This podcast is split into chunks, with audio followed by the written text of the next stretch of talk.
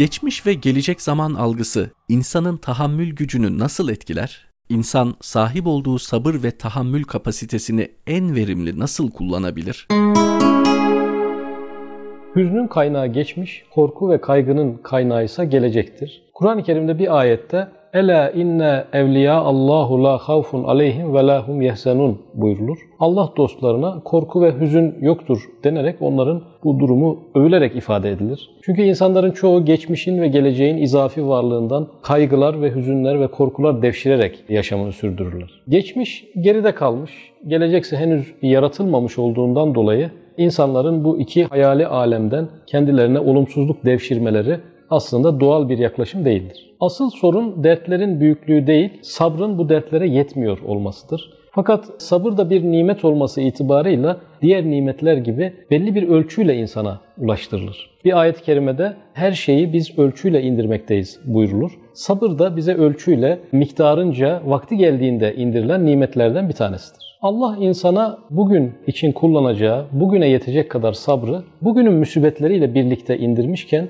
insan bu sabrı geçmişin ve geleceğin hayali varlığına pay eder, yayar ve bugünün musibetleri karşısında korunaksız ve dayanıksız kalmış olur. İnsanın çektiği en büyük acının o vakte denk gelen miktarına karşılık Cenab-ı Hak onunla baş edebileceği kadar bir sabrı o vakitte insana bahşetmektedir. Bir ayet-i kerimede la yukellifullahu nefsen illa us'aha buyurulur. Bu ayette hiç kimseye kaldırabileceği miktarın haricinde bir yük yüklenmeyeceği ifade edilmiştir. İnsan bir musibetle karşılaştığında ona yetecek kadar sabır Allah tarafından ona verilir. Dolayısıyla hiç kimse kaldıramayacağı bir musibetle karşılaşmış olmaz. Fakat insan kendisi bir hata yaparak önündeki var olan sabrı ilgisiz musibetin haricindeki zamanlara ve dönemlere pay ederek musibet karşısında zayıflaşır. Sabrı geleceğe yaymak ne demektir? İnsanın bugün sırtında bulunan sorumlulukları, müsibetleri sanki sonsuza kadar çekecekmiş gibi kaygı bozukluğuyla konuya yaklaşmasıdır. Sabrı geleceğe yaymanın bir başka anlamı da gelecekteki bazı kederler, musibetler olasılık dahilindeyken onları çekmek muhakkakmış gibi,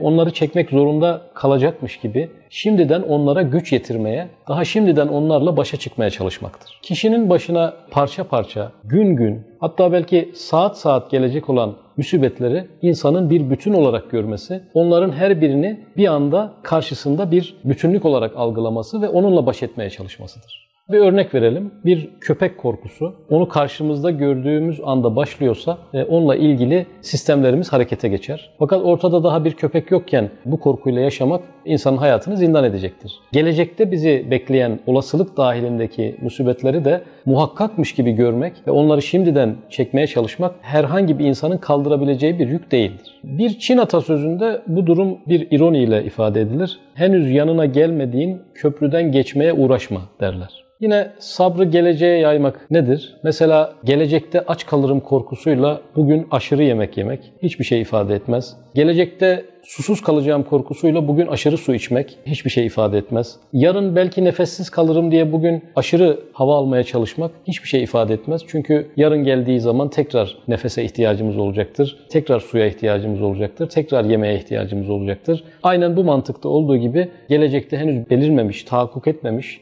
önümüze çıkmamış problemlerle durduk yere şimdiden baş etmeye çalışmak, onlarla mücadele etmeye uğraşmak insanın psikolojik ve duygusal bütün gücünü tüketecektir. 100 metre koşusunda olanların bütün güçlerini koşuya vermeleri anlaşılır bir şeydir. Ama maraton koşan insanlar için bu oldukça hatalı olur. Çünkü maratonda gerekli yerlerde, gerekli miktarlarda güç sarf edilmelidir. Çünkü koşunun bitişine yakınlaştığı zaman kişinin bütün gücünü kaybetmemesi için onu gerekli yerlerde dengeli bir şekilde kullanması icap eder. İşte yaşam da bizim maratonumuzdur. Bütün psikolojik gücümüzü vehimlerle, vesveselerle, daha oluşmamış kederlerle tüketirsek önümüzdeki uzun yolculukta kullanacağımız sabrı da tüketmiş oluruz. Aslında insanın içinde bulunduğu andan başka bir sermayesi yoktur. İçinde bulunduğu mekan haricinde bir mekanı yoktur. Ve bugün şu dakikada çektiği keder haricinde bir kederi de yoktur. Annemizden doğmadan önceki hayat hakkında kaygılanır mıyız? Hayır çünkü biz o zamanlar yoktuk. Peki bugünden sonraki hayat hakkında neden kaygılanıyoruz? Bugünden sonraki hayat da yok. Yani biz doğmadan önceki hayatın yokluğuyla bizim sonradan yaşayacağımız hayatın yokluğu arasında ikisinin de yok olmaları bakımından bir fark yoktur. İkisi de aynıdır. Dolayısıyla biz dünyaya gelmeden önceki hayat hakkında ne kadar endişesizsek bugünden sonraki hayat hakkında da işte o kadar endişesiz olmamız gerekir. Çünkü önceki yoklukla sonraki yokluk arasında herhangi bir değer farkı yoktur. Kainat her gün yeniden yaratılmaktadır. İnsan da her gün yeniden yaratılmaktadır. İnsanın yaşadığı kederler de her gün yeniden yaratılmaktadır. Dolayısıyla insana düşen o günkü kainatta o günkü varlığıyla o güne denk gelmiş olan musibetle başa çıkmaya çalışmasıdır. Her gece